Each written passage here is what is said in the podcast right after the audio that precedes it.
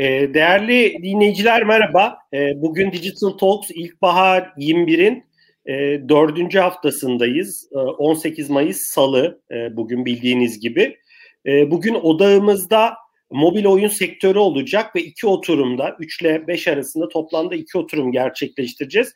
3 tane değerli girişimciyi ağırlayacağız. İlk oturumumuzda konuğumuz e, girişimcilik ve yatırım Türkiye girişimcilik ve yatırımcılık ekosisteminin yakından tanıdığı bir isim Erdem Yurdanur bizlerle birlikte. Erdem abi hoş geldin sohbetimize. Hoş bulduk Ozan.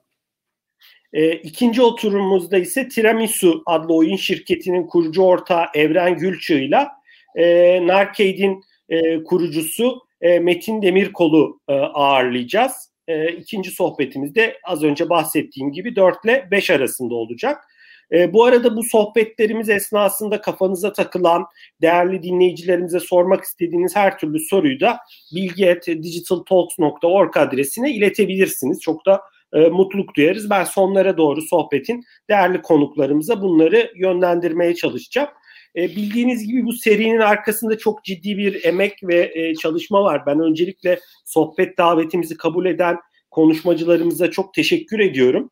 Ve bu seride bizi destekleyen elmas sponsorumuz Türkiye İş Bankası'na, platin sponsorlarımız Worldcheli'ye, Unilever'e e, ve Vivense'ye de teşekkürlerimi sunuyorum. Medya sponsorumuz Bloomberg Business Week'e de yine aynı şekilde teşekkürlerimizi iletiyoruz. E, Erdem abi dilersen sohbetimize başlayalım.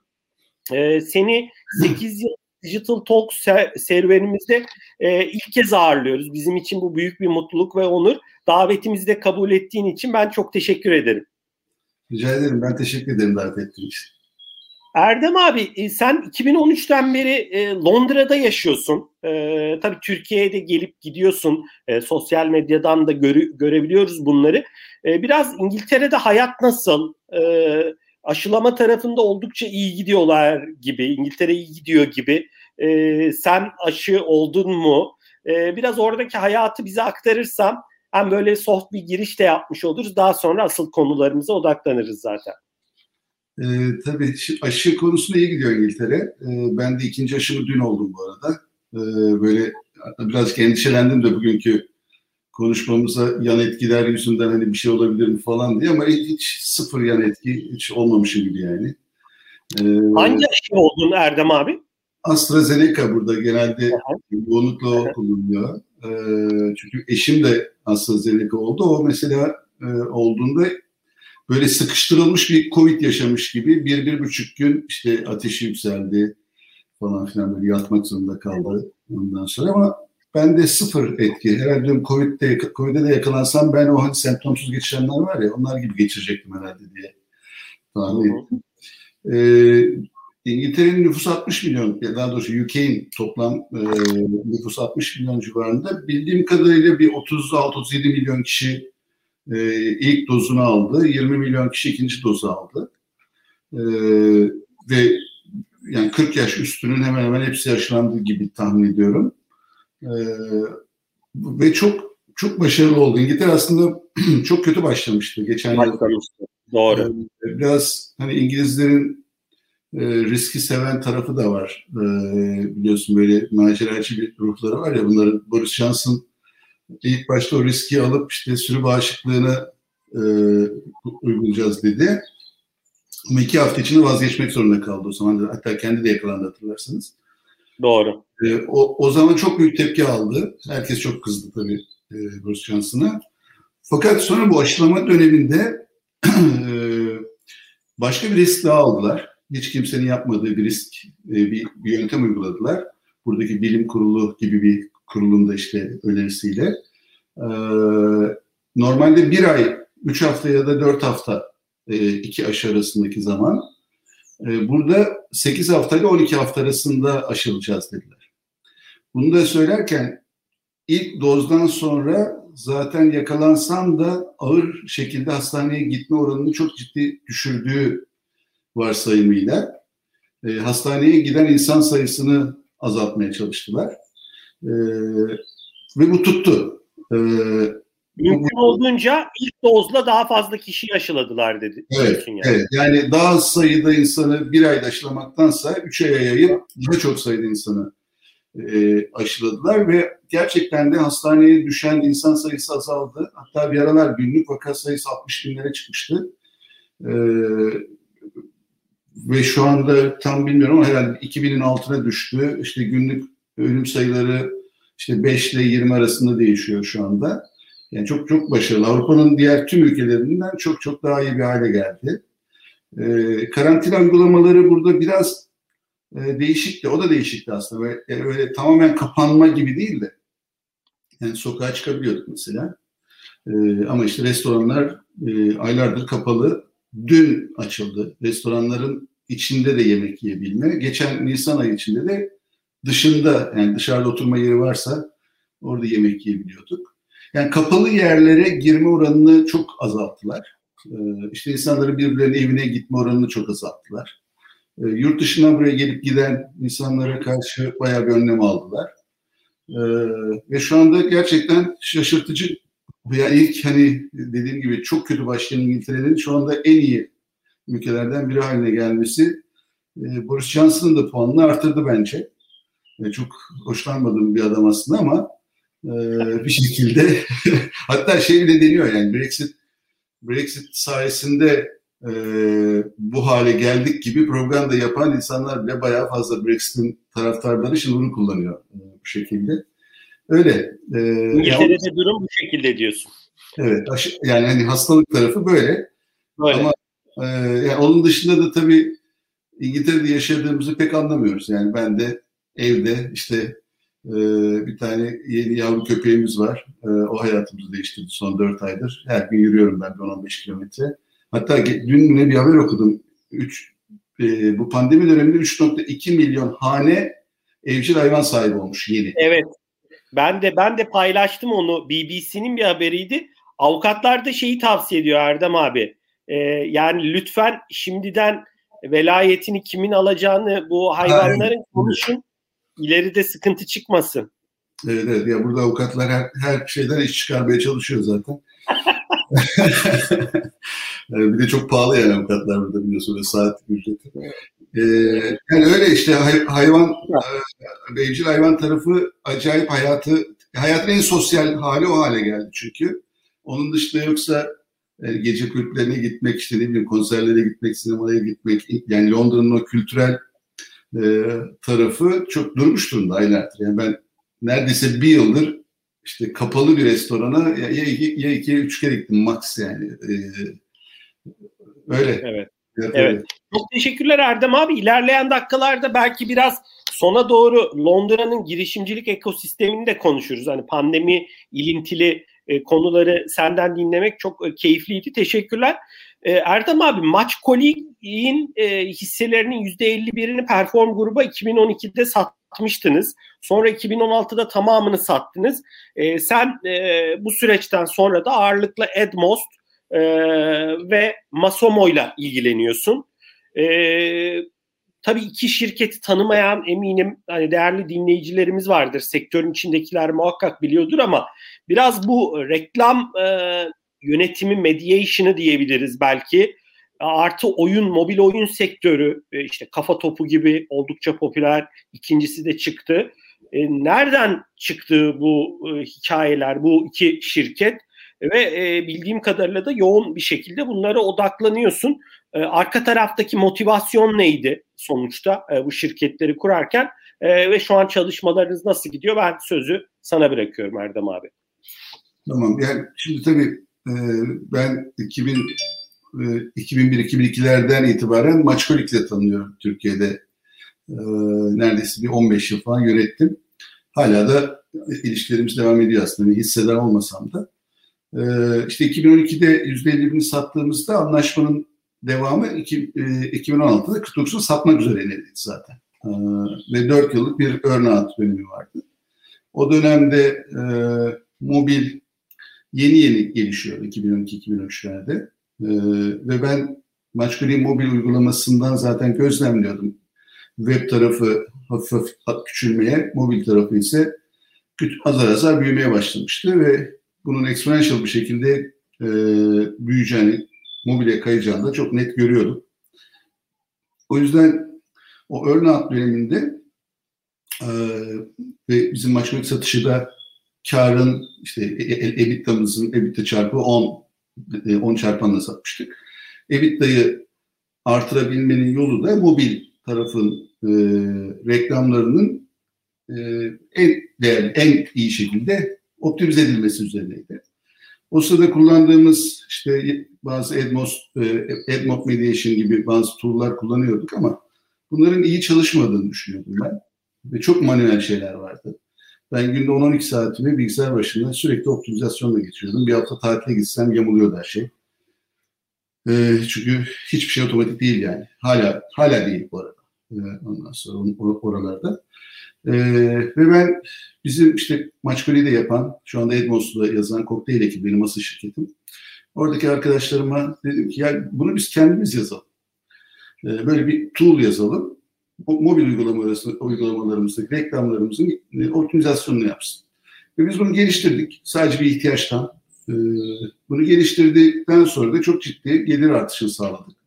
Ve sattığımızda yani 2016'da hem mobile kaymadan dolayı talep arttığı için hem bu tool'un e, sayesinde e, yani biz gelirlerimizin %70'ini 80'ini neredeyse artık mobilden sağlıyorduk. E, şu anda %90'ın üzerinde mobilden gelir sağlıyor Maçkolik hala. Bu, bu tool'u daha sonra daha sonra da işte bu arada o earnout döneminde ben Maçkolik'i sattıktan sonra ne yapayım düşünürken mobil oyun sektörünün de çok büyüyeceğini görüyordum zaten. Ee, ve Perform grubu, Maçkali'yi satın alan Perform grubunun ortaklarından e, Oliver Slipper'la beraber bir şirket kurduk e, Londra'da. Masamo, Mass Social Mobile kelimelerinin ilk iki harfi. E, ve bir tane social puzzle oyunu yapmaya başladık. Fakat daha sonra İzmir'den e, başka arkadaşlar Kafa Topu diye bir oyun geliştirmişler ve sadece Türkiye'de yayında olan. Onlarla bir şekilde ilişkimiz oldu ve biz o oyunu masamın içine aldık. Onlarla beraber ortak olduk.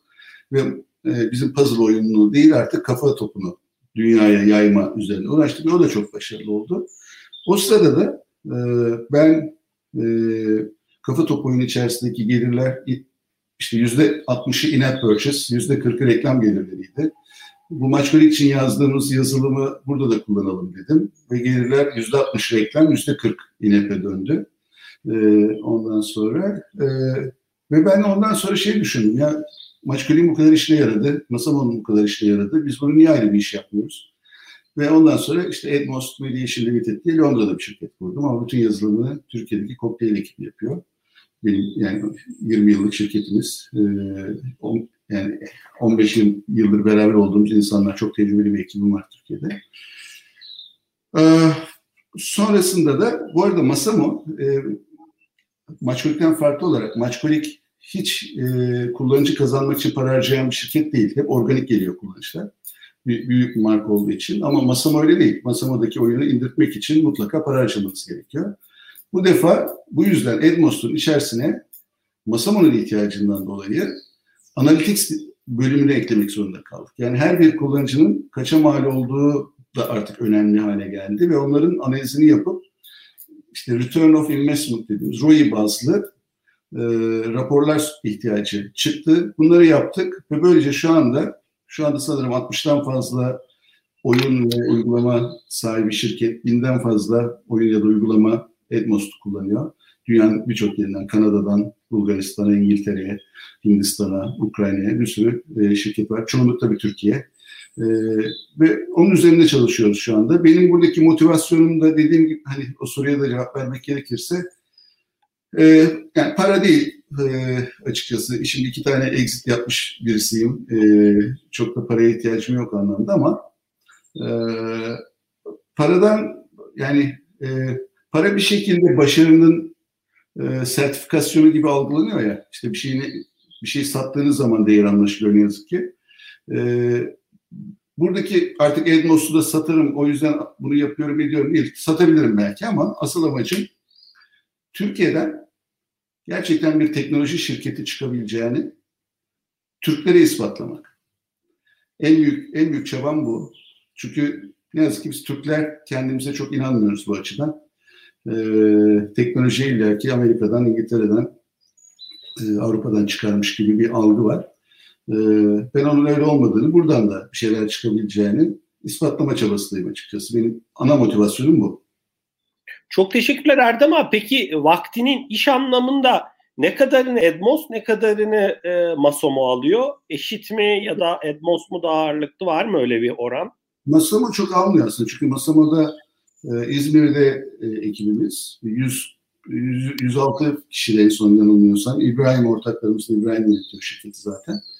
E, yani oyunun e, oyunların yapılması, şimdi basketbol oyunumuz da çıktı. Oyunlarımızın yapılması, işletilmesi, işte user acquisition'ı falan, yani bu tür tüm operasyonlar aslında e, İzmir'de İbrahim tarafından yönetiliyor. Masamo ile benim ilişkim daha çok şu anda Edmos üzerinden. Çünkü Edmos kullanıldığı için şey, Masamo, oradaki tüm ekip şu anda mesela e, performans marketing ekibi mesela şu anda sanırım 7-8 kişi e, önlerinde sürekli Edmos'ta çık. Çünkü her bir yapılan reklamdan, her bir görselden, her bir ülkede e, kaça mal ettik, kar ediyor muyuz, etmiyor muyuz, zarar mı ediyoruz, zarar ediyorsak bütçeleri azal, e, düşük kapatıyorlar, işte kar ediyorsak artırıyorlar gibi. O tür tüm raporlar Edmos üzerinden alınıyor. E, işte ne bileyim production ekibi belki yaptıkları değişikliklerin retention'a etkisi nasıl onu yine Edmos'tan bakarak ölçmeye çalışıyorlar. İşte Art'la oraya etkisi nasıl onu ölçmeye çalışıyorlar. Yani biz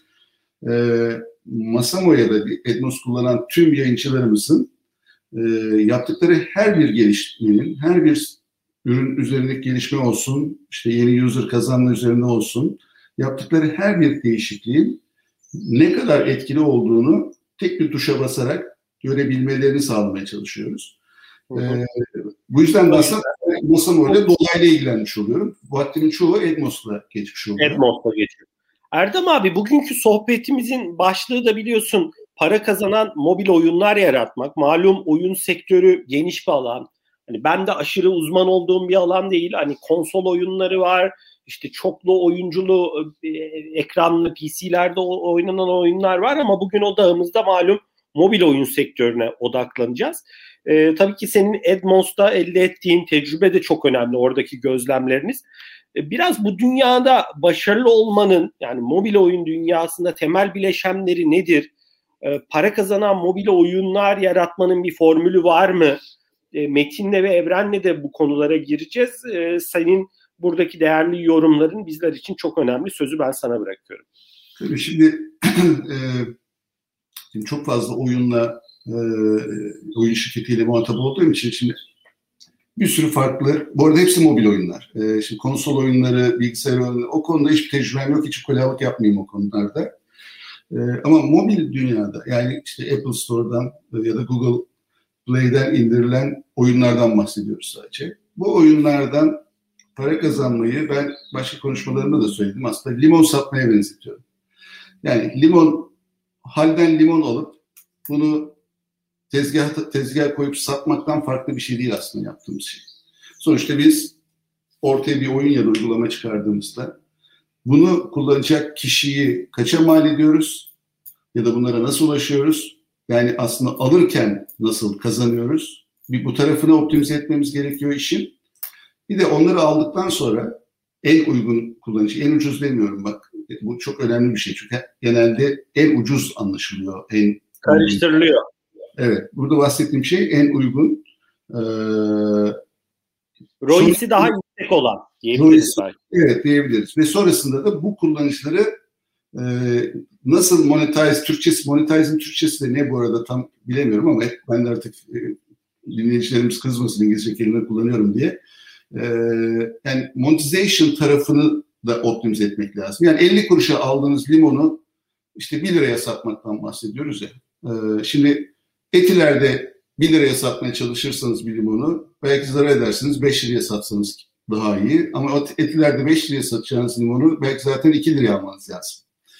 Ee, ama işte başka bir semtte belki 10 kuruş aldığınız limonu işte 25 kuruşa satarak para kazanabilirsiniz. Aynısı burada da var. Burada da e, aynı oyunu yani işte kafa topu mesela bizim. Ee, bu oyunu İngiltere'de indirtmekle işte ne bileyim Hindistan'da indirmek, indirtmek, Türkiye'de indirtmek çok farklı. Ama aynı zamanda da İngiltere'de de e, işte belki 10 dolara indireceğiniz adamdan 20 dolar kazanabilirsiniz. Belki 1 dolar indireceğiniz adamdan 5 dolar kazanabilirsiniz. Bunları da ölçebilmeniz gerekiyor.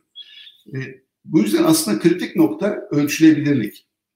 Yani siz her aşamada aslında alırken de satarken de her aşamada ürününüzü ölçebilmeniz gerekiyor. Ve bunu kullanıcı bazlı yapabiliyorsanız o derece detayda para kazanmış oluyorsunuz. Bunu şöyle bir örnek anlatırsam belki daha yanlışlı. Bir oyun, bir milyon kullanıcınız var mesela. Ortalama bir dolara alıyorsunuz. Ortalama iki dolar kazanıyorsunuz diyelim. Yani yüzde yüz kar ediyorsunuz toplamda bütün dünyadaki oyuncularınızdan. Ama düşünün ki siz aslında hem bu detayı ülke bazlı arkasından kullanıcı bazlı detaya indirseniz belki aslında indiğinizde aşağıda 50 sente aldığınız o kullanıcıların bazılarından belki zarar ediyorsunuz. Ya da işte 5 dolar aldığınız bazılarından zarar ediyorsunuz. Ya da bazılarından çok fazla kar ediyorsunuz. Ama siz bunun detaylı bakmadığınız için hep genele yaygın bir şekilde 1 dolara adam almaya çalışmaktan dolayı aslında para kaybediyorsunuz. Potan yani para kazanırken para kaybediyorsunuz aslında. Potansiyel parayı alamamış oluyorsunuz. Bu yüzden Edmos gibi bir ürünü biz ben çok önemsiyorum. Bu kadar emek harcamamın sebebi o. Edmos gibi sadece Edmos için demiyorum. Başka yazılımlar da yani sonuçta bu, bu anlamda hizmet veren başka yazılımlar da olabilir. Ee, bu yazılımlar kullanılmadan ya da şirketlerin kendi içerisinde bu tür yazılımlar geliştirip e, bunları bu amaçla kullanmadıkları sürece ben oyun sektöründe kar etmenin sadece piyangodan para kazanmak gibi olduğunu düşünüyorum. Yani biz ne yazık ki e, birçok insan sadece başarılı örnekleri görüyor. İşte Peak Games'i görüyor, Gram Games'i görüyor, Masamu'yu görüyor. Bu, bu, bu tür bu tür şirketleri görüp oyun sektörünün çok karlı bir şirket bir, bir sektör olduğunu zannediyor insanlar. Ama bu şirketlerin çoğunun ortak özelliklerine bakarsanız bunu görürsünüz. Hepsinin çok detaylı, çok en ince ayrıntılarıyla ölçüm yaptığını ve bu ölçümlerin sonuçlarına göre sürekli kendilerini değiştirerek sürekli böyle esnek davrandıklarını görürsünüz. Ee, yoksa denizin dibini boylamış, batmış oyun şirketi sayısı çok daha fazla. Ee, bir, herhalde en önemli söyleyebileceğim şey bu. Bunun dışında artık şeylere hani bir oyun yaptığınızda bunun belli bir kalitesinin olması, e, işte insanların oynaması, kimi hedeflediğiniz. Şimdi örneğin şeyleri düşünün, okey oyununu düşünün. Okey oyunu yapıyorsanız sadece Türkiye'yi hedefliyorsunuz demektir. Sadece Türkiye'de oynanıyor sonuçta. Yani Peak Games'e bakın, Peak Games okey oyunlarıyla başladı. Çok da başarılı e, okey oyunları var. E, ama asıl Peak Games daha sonra Amerika'yı hedeflediği zaman Peak Games olabildi. E, şimdi bir de hyper casual, işte casual, işte midcore, hardcore oyunlarımız var. E şimdi onların her birinin farklı özellikleri var. Atıyorum hyper casual'da in-app purchase yapma ihtimali yok. Yani kullanıcıların yüzde birine bile satamazsınız bir şey. Yani yüz, hatta binde birine bile satamazsınız bir şey. Ama işte e, bizim kafa topu gibi bir çeşit mid-core değil, casual mid-core arası oyunlarda diyelim e, e, yüzde elliye yakın e, sat in-app oranı var. E, ya da işte daha hardcore oyunlarda neredeyse yüzde yüze yakın yine e, hiç, hiç reklamdan gelir elde edilmiyor.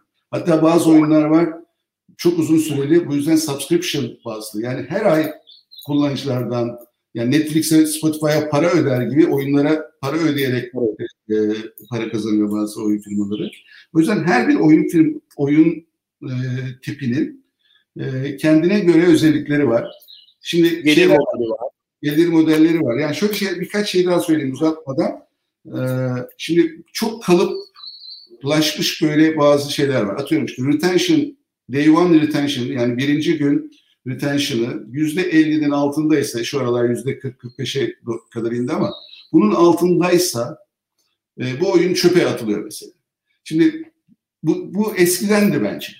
Yani şu anda retention, day one retention yüzde 25 olup da para kazanan oyunlar da var. Çünkü e, CPI dediğimiz cost per install rakamı o kadar düşük ki bazılarının. Yani işte demin anlattığım limon örneğinde 5 kuruşa limon alıp 10 kuruşa satabildiğiniz örnekler de var. Retention'ı çok düşük ama bir günde iki günde satın alma maliyetini çıkaran oyunlar da olabilir. Yani bu yüzden hepsini çok iyi ölçebilerek hareket etmekte fayda var diye düşünüyorum. Bilmiyorum çok teşekkür ederim. Yo cevapladın Erdem abi. Biraz ben LinkedIn'de e, sizin şirketlerin ekibe de baktım böyle. Hakikaten böyle data analitikçiler vesaire baya böyle e, yani rakamlara bakılıyor e, hissiyatını edindim. Biraz ekipten bahsetme şansın var mı? Yani bunu Metin'le ve Evren'le de konuşuyoruz mutlaka. Biraz hani bir e, tabii ki oyundan oyuna değişir. Demin sen farklı oyun türleri söyledin. Hyper casual gibi vesaire. Hani biraz orada ekibi nasıl kurgulamak, olmazsa olmaz kişiler kimler e, bir mobil oyun şirketinde? Yani şimdi e, ya bütçenize göre değişiyor tabii. Yani en başta. yani şimdi Masamo'nun ilk başladığımız zamanki işte 25 25 kişiydi. E şimdi 106 kişi. Ee, yani o zaman e, tam bir startuptı. Ee, insanlar yani mesai kavramı yok, gecesi yok, gündüzü yok. Ee, bir inanmışlık üzerine, bir başarıya açlık üzerine kurulu e, işte hepimizi güzel günler bekliyor. Hayali üzerine kurulu bir yapı var. Birçok oyun şirketi aslında bakarsınız. Birçok startup böyle başlıyor. Yani ben şimdi ideal şeyleri söylesem de o ideal şeylere para yatırabilecek şirket o kadar yok ki. Ee, ama sonuçta ne var? En önemlisi bir kere oyunu hayal edecek. Ne, ne tür bir oyun olacak? Oyunu hayal, ede, hayal edecek kişi lazım. Mesela Masamodo bizde İbrahim'di. Hala İbrahim. Oyunun nasıl olacağını kuran en tepedeki adam o. Ee, yani aslında product owner diyelim İngilizcesi. Ee, İbrahim şirketi CEO'su ama bence CEO'luktan daha çok product owner'lığı yapan kişi. Yani gününün ben onun şeyini biliyorum. Mesela basketbol oyununu geliştirirken ya günde 10 saat 12 saat oyun oynuyordu. Ee, sürekli oyunun işte yeni bir versiyon çıkıyor işte dribbling yapıyor oyuncu. Orada birisini ne bileyim e, şeyini e, vuruyor falan filan. İşte orada bir şey yapılıyor. Hemen e, bizim işte program programcı ekibin başındaki Erman'ı çağırıyor. Erman'a diyor ki burada basamasın, şurada şöyle yapsın, böyle yapsın. Hemen Erman orada tıkır tıkır değiştiriyor. Hemen bir daha deniyorlar falan. Yani bir kere bu en önemli adam bence. Çünkü zaten onun üzerine kurulacak bütün. Sonra e, bu yazılım ekibi lazım tabii ki. Burada gerçekten yetenekli yazılımcılar lazım. E, çok iyi grafikerler lazım. Bizde işte Erda var. E, en, en başından beri e, grafik ekibinin başında. Şu anda 4 ya da 5 grafikerimiz var diye biliyorum. E, Erda her şeyi organize ediyor. Altındaki diğer grafikerlerin işte bazıları karakterleri çiziyor, bazıları başka bölümleri çiziyor, bazıları işte ne bileyim reklamlarda gösterilecek videoların hazırlanmasıyla uğraşıyor. O yüzden grafik ekibi ve programatik ekip o hayali kuran, oyunu hayal eden product owner'ın aslında sağ ve sol kolları gibi çalışıyor. Bunlar yapıldıktan sonra da oyun ortaya çıktıktan sonra da asıl süreç başlıyor e, açıkçası. Ondan sonraki süreçte de işte marketing tarafı oyunu yapmak kadar önemli bir şey. Çünkü oyunu oynayacak insanlara ulaşması lazım. Ee, orada da işte performans marketing dediğimiz yani işte Google, Facebook gibi ad networkler üzerinde e, her bir kullanıcıya ulaşarak e, indirmesini sağlamaya çalıştığımız bir ekip var. Bir de influencer marketing dediğimiz daha çok mass kitleye erişmeye çalışan ki bu basketbol e, oyunumuzda geçen Mart ayında Amerika'da çok büyük bir kampanya yaptık. Çok çok büyük sayılara e, takipçilere sahip e, insanlara ulaştık. E, birkaç milyon dolar para harcadık o iş için. Orada e, bunu yapmamızın şöyle bir sebebi vardı aslında. Bu oyunlar bizim oyunlarımız peer to peer dediğimiz karşılıklı oynanan oyunlar. Yani liquidity dediğimiz e, oyunun aynı anda oynayan çok kişi olması lazım ki biz insanları meç edebilelim ve bunlar e, botlar değil birbirleriyle oynasınlar. E, Satranç gibi satranç gibi. Yani şimdi eğer yeteri kadar satranç oyuncusu yoksa aynı anda tabloda işte bir botla oynamak zorunda kalıyor. Hatta şöyle bir istatistik yanlış hatırlıyorum, hatırlıyor olabilirim rakamları ama kabaca şöyleydi. E, kafa topunda yaptığımız bir istatistikti bu. E, maç yapan kullanıcıların yaptık e, gerçek kullanıcılarla maç yapma oranı %75 ve üzerinde olan insanların yaptığı satın almalarla yaptıkları maçların %25 ve altı gerçek insan olanları yani botlarla yapmış olanları kıyasladığımızda 8 kat satın alma farkı vardı. Yani insanlar botlarla oynadığını bir şey Gerçek insan olmalı. Gerçek insan bekliyorlar. Botlarla oynayan insanlar oyun, oyundan o kadar büyük zevk almıyor aslında. O rekabet hissedilmiyor Erdem abi. Ben de The Queen's Gambit dizisinden sonra satrançı sardım. Böyle her gün yarım saat falan oynuyorum. E bir de farklı ülkeler var chess.com'da. Yani orada şeyi bir rekabet var. Ya şimdi yeneceğim seni vesaire adam bir hamle yapıyor ya da karşıdaki kişi. Yani o duygu çok farklı. Botla olmuyor o. O zaman şeyi tavsiye edeyim sana. Bizim Edmos'ta müşterimiz e, Slovenya'da e, çıkan bir chess oyunu var. Chess Universe diye. E, kurucuları iki Grandmaster.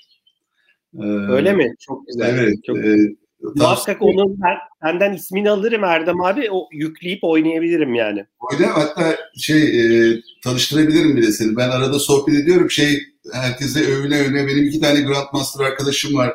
E, deyip diyorum. Çünkü hiç daha önce Grandmaster tanımamıştım ben. E, yani, Belki ağırlarız Erdem abi. Çok güzel olur. E, bu konuda yazışalım seninle. Çok teşekkürler. Sen devam ediyordun. İçeriye insanları çekmek lazım. Çünkü botlarla oyna, oynamak sıkıcı oluyor. Ee, doğal olarak da pazarlama çok önemli. Tabii evet. veriyi analiz analiz etmek çok önemli. Ben sözü sana bırakıyorum. Evet, şimdi o ek işte oyun çıktıktan sonraki e, gerekli ekipten bahsediyorum. Performans marketing ekibi, influencer marketing ekibi, daha sonra de, support ekibi, kullanıcılarından gelen maillere, isteklere cevap verecek ekip. Live Ops dediğimiz bizim yine kafa topunda basketbol oyununda çok önemli bir parçası. Masa bunun bence başarılı olmasının en önemli sebeplerinden birisi. Oyun içerisinde her bir kullanıcıya çeşitli kampanyalarla şeyler önermek. Mesela işte belli bir noktaya gelmiş adamın altınları bitmiş. Ona o noktada bir işte yüzde elli indirimle bir şey önermek mesela. Şimdi bu Live Ops dediğimiz bölüm oyunun içerisinde oyunda hiçbir şey değiştirmeden, oyun ekibin ekibiyle hiç konuşmaya gerek kalmadan arka tarafta bu pop-up'ların çıkmasını falan sağlayan bir yazılım. Onu Masamo kendisi geliştirdi. O ekip bambaşka bir noktada gidiyor. Yani e, sonuç sonrası ya da bug'lar çıkabiliyor. O bug'lar çıktığında anında müdahale edecek ekip. Şimdi yine e, multiplayer oyun olduğu için server tarafı da var işin. Back, backend tarafı var. Backend tarafında çalışan o serverların çok hızlı respons vermesi lazım Onunla uğraşan çok kaliteli mühendisler var. Yani işi sadece arka taraftaki serverları gözlemlemek olan ekip var. Ama işte bir hyper casual oyun yaptıysanız tek kişilikse oyunu kullanıcı indirip telefonunda oynuyorsa sadece bu bahsettiğim ekibin birçoğuna gerek yok. Çünkü kullanıcı indiriyor. Yani kendi Crush'ı düşünün. Kendi Crush tek başına işte indiriyor. Milyonlarca belki milyar indirmeye ulaşmıştır kendi Crush. E, Orada yaptıkları, arka tarafta yaptıkları insanların ne var sadece? Belki data topluyorlar değişik. O dataları yorumlayarak yeni seviyeler eklemek, zorluk ayarlarını yapmak falan gibi şeylerle uğraşıyorlar. Ama biz aynı zamanda sistemi ayakta tutmaya çalışıyoruz. Doğru. Yani. Doğal olarak da biraz oyunun yapısına göre de ekiplerin e, ihtiyaç duyulan ekibin profili değişiyor. Ama hani senin anlattıklarından Erdem abi bu işin kolay olmadığı hani bahsettiğin departmanları oluşturmak, e, bu kişilere e, hani çalıştırmak kolay değil. Kolay değil. E, yani, o açıdan kolay 7, değil. Yani 7-24 çalışan bir şeyden bahsediyoruz. Yani gece gündüz e, her an her şeyin düzgün çalışması gerekiyor. O yüzden e, ya da bir, bir problem çıktığında gece 3'te ben uyuyorum hadi bakamam diyemezsin yani. Kalkıp Doğru. bakacaksın. Bir de Erdem abi bu iş hani Türkiye'de bir perakendeci olsanız müşterilerinizin tamamı Türkiye'dedir. Hani evet. gece rahat uyuyabilirsiniz muhtemelen. Ama hani global bir hizmet veriyorsanız doğal olarak ekibi ona göre belki iki var diye, üç var diye kur- kurmanız lazım. Evet, öyle. öyle. Çok teşekkürler. Erdem abi biraz şeye girelim. Sen e, şirket isimleri de bahsettiğin Peak Games, Gram Games, işte e, e, yani Masomo'yu da söyledin. E, aynı şekilde Narke, Tiramisu. Yani çok değerli oyun şirketleri var Türkiye'de. bu kadar oyun şirketi yani bu sektörde başarı yaratmamızı ya benim bildiğim başka bir sektör yok. Hani bu bu kadar böyle başarı yaratılmış e, hani yurt dışında oyuncuları olan, müşterileri, kullanıcıları olan hani ve satın almaların olduğu. E, bunu neye bağlıyorsun? Yani bence oyun sektöründe çok başarılı değiliz de bence diğer Değil mi? Yani bence değiliz o yani başarılıyız da yani çok, hani dünyanın en başarılı şirket falan değiliz yani şey ülkesi falan değiliz. Yani bence diğer sektörlerde abi. Erdem abi sence kaçıncıyızdır? Yani ilk onda değil miyizdir? Şimdi, Bakıyorum. Ya şimdi hyper casual tarafında belki bayağı bir öndeyiz. Çünkü Hı-hı. basit oyunlar yapacak kapasitemiz var. Ama işte hardcore oyun dediğimiz böyle yani hani deli gibi insanların uğraştığı neredeyse yokuz orada. Ee, çünkü onun için çok daha büyük bütçeler gerekiyor. Ee, çok daha büyük bütçeden kastım yatırım maliyeti çok yatırım gerekiyor. Ee, e şimdi öyle değil. Bizdeki bak bak şeylere kurulan tüm şirketlerin ilk yatırım maliyetleri o kadar düşüktür ki şimdi yeni yeni işte bu başarılar duyulduktan sonra daha büyük yatırımlar yapılmaya başlandı. İşte 30 milyon dolar, 40 milyon dolarlık değerlemelerle şimdi bazı oyun şirketleri yatırımlar alabiliyor. Ama bundan 3 sene öncesine, 4 sene öncesine kadar yani öyle bir şey yoktu. Birkaç milyon dolar değerlemeyle yatırım alıyordu bütün oyun firmaları.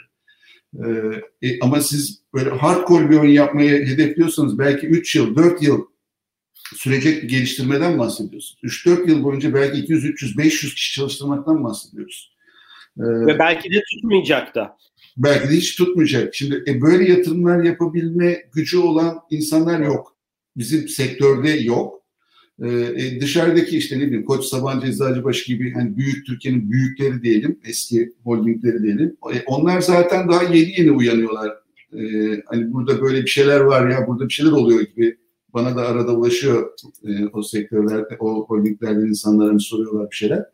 Ama daha daha onlar yeni anlamaya çalışıyor. Daha hiç, hiçbirinin doğru bir hareket ettiğini görmedim ben. Ee, Doğal olarak kolay değil diyorsun. Hani o e, daha komplike, daha gelişmiş oyun kategorilerinde yokuz diyorsun.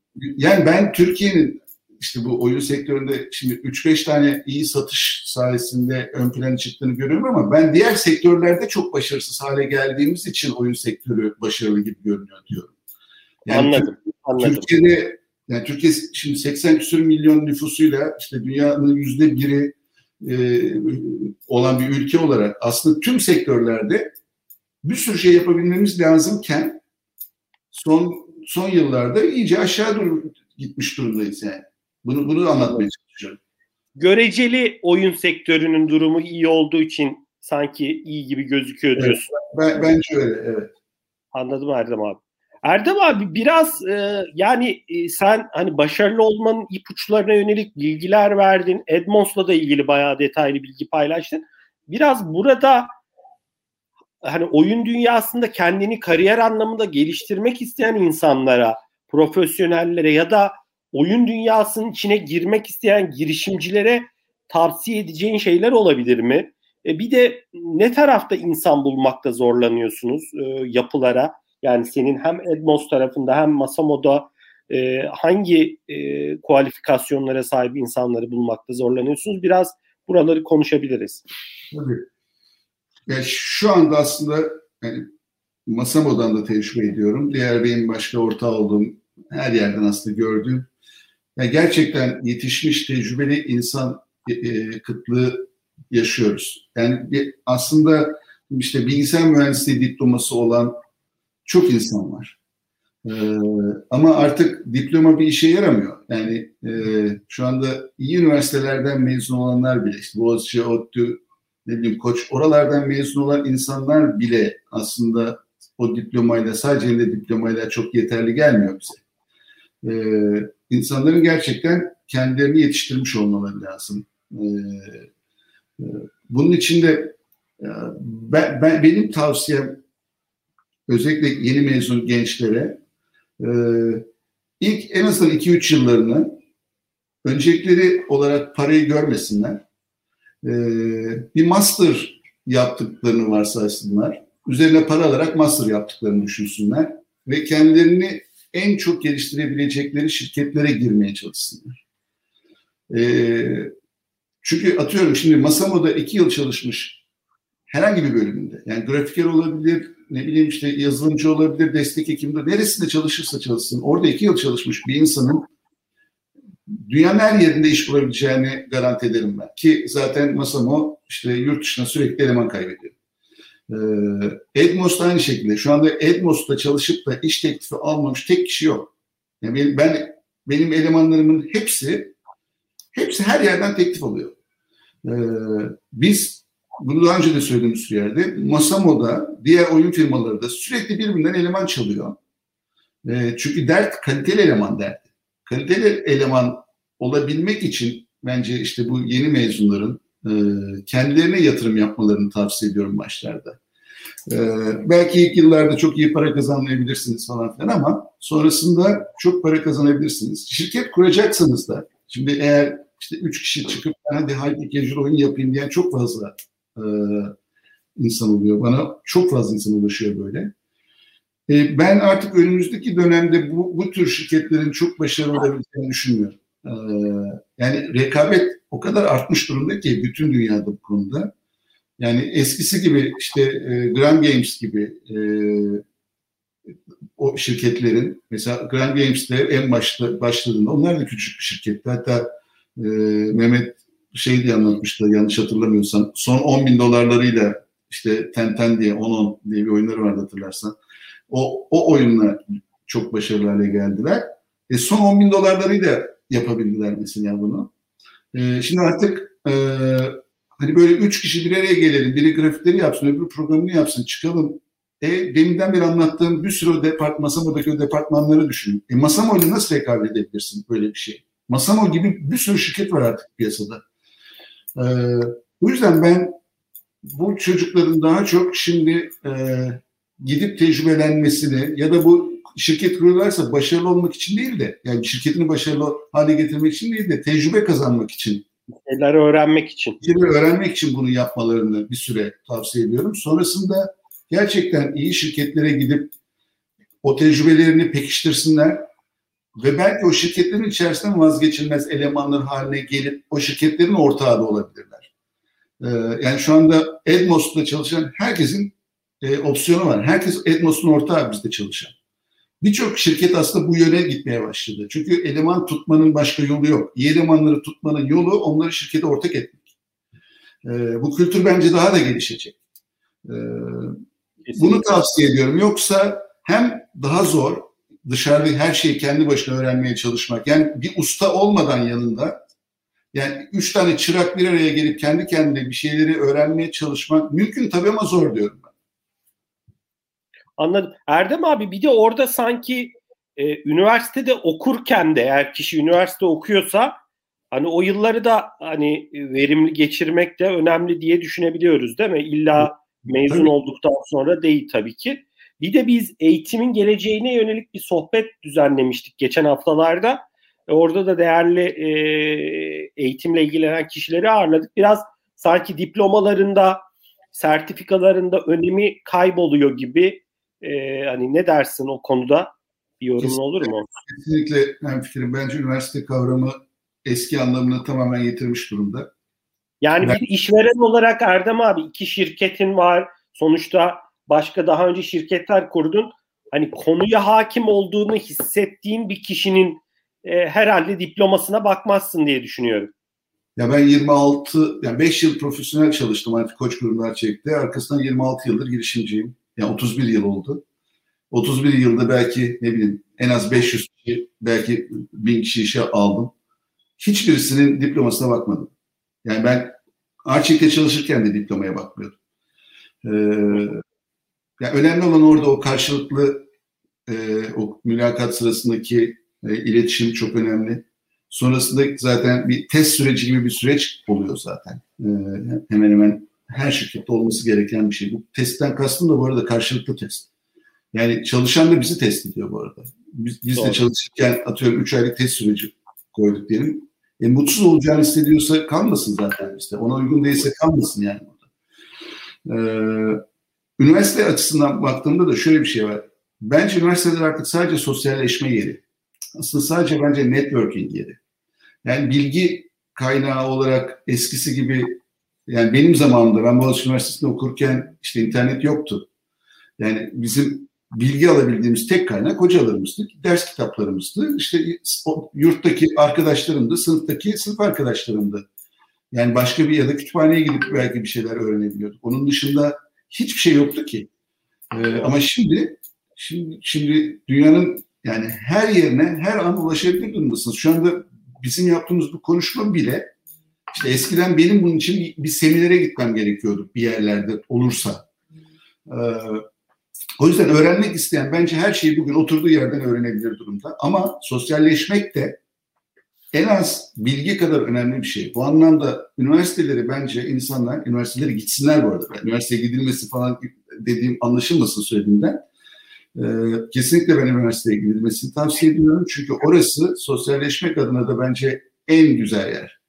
Ee, yani üniversite arkadaşlarınızla, çünkü benim arkadaşlarım hepsi bir yerlerde bir şey şu anda. Ee, yani onlarla o network'ü kurabilmek bile. Çünkü iş hayatında e, teknik bilginin daha da üstünde belki aslında o network işe yarıyor. E, üniversite bu açıdan en iyi yer diye düşünüyorum ben. Erdem abi çok teşekkürler. Ee, e, biraz e, yani şeye senin biraz motivasyonuna, şu anki motivasyonuna ve biraz hani iş hayatı, iş dışındaki zamanda nelerden keyif aldığına girmek istiyorum. Vaktimiz de azalıyor ama hani konuştuğumuz Edmonds tarafı, Masoma tarafı için eklemek istediklerin var mı? Ee, yani o zaman şuna muhakkak değinmek istediğim, e, istediğim bir nokta var dediğin bir şey var mı? Yoksa biraz daha e, hani İngiltere girişimcilik ekosistemi biraz senin iki exit sonrası motivasyonunu da hazır seni bulmuşken konuşmak isteriz. Yok yani çok güzel sorular sordum. Bence açıklayabildim her şeyi. Ee, merak edenler yani özellikle Edmos konusunda e, merak ediyorsa insanlar bana her yerden her zaman ulaşabilirler. LinkedIn'de hep varım. LinkedIn'den herkes mesaj atabilir istediği zaman. Her mesaja cevap vermeye çalışıyorum ben bir istisnai durum olmadığı sürece. Çok teşekkürler. Zaten ikinci oturumda da Metin ve Evren'le de e, oyun sektörüne odaklanacağız. Onlar da farklı açılardan Hı. zaten konuyu ele alacaktır. Biraz Erdem abi e, yani sonuçta iki tane exit var. İngiltere'desin. E, şu an motivasyon kaynakların ne? E, ve nelerden keyif alıyorsun? Köpeğinle yürüyüş yapmaktan bahsetmiştin. İngiltere'de çok yeşil bir yer. E, çok güzel Londra. E, biraz e, buralara girebiliriz. E, melek yatırımcılık tarafında aktif olduğunu biliyorum. Hani Hı-hı. orada nasıl gidiyor? Ne gibi bir tablo var? Görüşüyor musun aktif? Hani şu an yatırımlar devam ediyor mu? Biraz daha kendini durdurdun mu? Ben sözü sana bırakıyorum. Ee, ya kışın yeşile e, odaklı olmaya çalışıyorum açıkçası. Yazın maviye e, yani yazın işte yelkenli bir teknem var 2-3 ay olabildiğince ona gitmeye çalışıyorum. Bu Covid dönemi ona da biraz darbe vurdu ama e, işte kışında dediğim gibi burada e, zaten parkları doğayı çok severim, dolaşmayı çok seviyordum ama şimdi köpeğim olunca bir de disiplinli hale gelmeye başladı. Her sabah 6.30-7 gibi uyanıyorum ben. E, o, ilk işim işte bir yüzümü yıkayıp onu alıp çıkıyorum. Bir 10-15 kilometre yürüyoruz doğada. E, en büyük zevkim o şu ara. E, onun dışında ben kitap okumayı çok severim. İşte masamda bir sürü farklı kitabım var. Aynı anda 5-6 kitap okumayı seviyorum. Farklı moduma göre seçtiğim kitaplarım var. Ee, çalışma odamda burada. Ben zaten bu arada pandemi döneminde kapanmadım. Ya ben Londra'ya geldiğimden beri neredeyse 8 yıldır zaten yalnız çalışıyorum odamda, evimde. Hep, hep home office çalıştım. O yüzden e, iyi biliyorum ve bu, bu benim için çok verimli. Kendime o zamanımı iyi diye düşünüyorum. E, ama onun dışında da hani diğer soruna gelirsek melek yatırımcılık tarafı e, beni motive eden şeyler ne oldu? Kesinlikle ya bunu bunu söyleyince insanlar böyle bazıları anlam veremiyor ama sanki yalan söylüyormuşum gibi algılıyorlar. Yani para değil kesinlikle.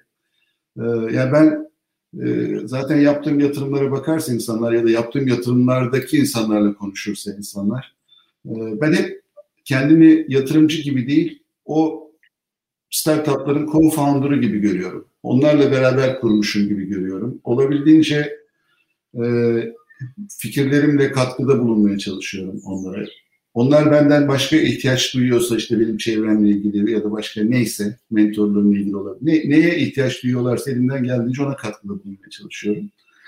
Ee, o anlamda çok vaktim olmuyor aslında. Yani bayağı dolu dolu geçiyor. Böyle bir hani... Erdem abi şimdiye kadar kaç yatırım yaptın melek yatırımcı olarak? Açıklayabiliyor musun? Ya tam sayısını bilmiyorum açıkçası. Hani batanlar, evet. şunlar bunlar evet. falan ama yani belki... Ya o yüzden para hani insanları da biraz ikna etmek anlamında dedin ya para e, için ana motivasyonum değil. Bu işten para kazandın mı Erdem abi yoksa zararda mısın şu an? Yok kazandım. Yani e, tabii. E, tamam. Yani, sonuçta şu anda başarılı başarılı startuplar para getirdi diyorsun. Tabii yani şimdi genelde şöyle e, genelde ne bileyim yüzde on başarısı başarılı olanlar kendilerini başarılı sayabilir bu işte. Yani 10 ayrı firmaya yüzer bin dolar yatırdığını varsay. Bir tanesi bunlardan işte çarpı 10 yaptıysa amorti. Zaten amorti. Şey, ama o bir tane, ama ikincisi bir çarpı 10 yapmışsa zaten yüzde yüz kardasın. E şimdi benim, ben de bu oran genel şu anda yüzde otuz civarında. Ee, Gayet iyi. Yüksek. Çünkü ben e, anladığım işlere yatırım yapmak istiyorum. Ya yani böyle Aa, burada çok para varmış hadi ben de gireyim atlayayım falan. O, o, o modda bir insan değilim yani ben. Ee, yardım edebileceğim işlere girmeye çalışıyorum. Ve bir de hep şöyle bakıyorum. Yine başka bir konuşmamda söyledim. Ya ben Lego gibi bakıyorum her bir girişime. Ee, ve o Legolardan ben nasıl Voltron oluştururum diye bakıyorum sürekli. O yüzden bazen bir girişime yatırım yapıyorum ama sebebi sadece tek başına o girişimin başarılı olması değil. O girişimi benim diğer girişimlerimle nasıl bütünleştiririm, başka bir şeyler yaratabilirim diye yapıyorum. O başarı oranını artıran şeylerden birisi bence o. Hı hı. Ee, yani Edmos'u düşün. Şu anda Edmos için Masamo'da da kullanılıyor. Maçkök'te de kullanılıyor. Başka bir sürü yerde kullanılıyor. E orada tanıştığım bir sürü adamla başka ortaklıklarım oluyor. Ee, öyle bakıyorum ben bana. Çok teşekkürler Erdem abi. Ee, yani süremiz 52 dakika oldu 53 dakika. Seni ağırlamak çok keyifliydi. E, e, Metin'le Evren'i de arka tarafta görüyorum. Yani illa bir saati sohbetimizde doldurmak zorunda değiliz. E, eklemek istediğin başka bir nokta var mı? Paylaşmak istediğin e, sohbetimizin çerçevesinde. E, bu arada şeyle ilgili paylaşımlarını da çok e, hani ona girersek çıkamayız biraz kripto paralarla ilgili paylaşımlarını da sosyal medyadan takip ediyorum. E, belki ilerleyen dönemde onu da konuşuruz ama hani e, belki çok doğru olmaz. E, takılmak istedim. Yani orada ta, or, orada sadece şunu söyleyeyim. E, girmeyelim konuya. Ben bir ay önce Elon Musk hapse girmeli demiştim. E, bu yaptığı şeylerden dolayı. O zaman işte bu Bitcoin'ci bilmem neci arkadaşların hepsi bana e, şey kızdılar. Hatta bir tane LinkedIn'de bir tane artık hıyar var diyeyim. Evet. O tuttu kendi benim benimle ilgili benim olduğum anlaşılıyor ama ismimi vermeden tutup sayfasında Elon Musk hapse girmeli demiş. Böyle böyle böyle birisi ha ha deyip yuhalatmaya çalışıyor. Hani evet. annesini yuhalatmaya çalışır gibi.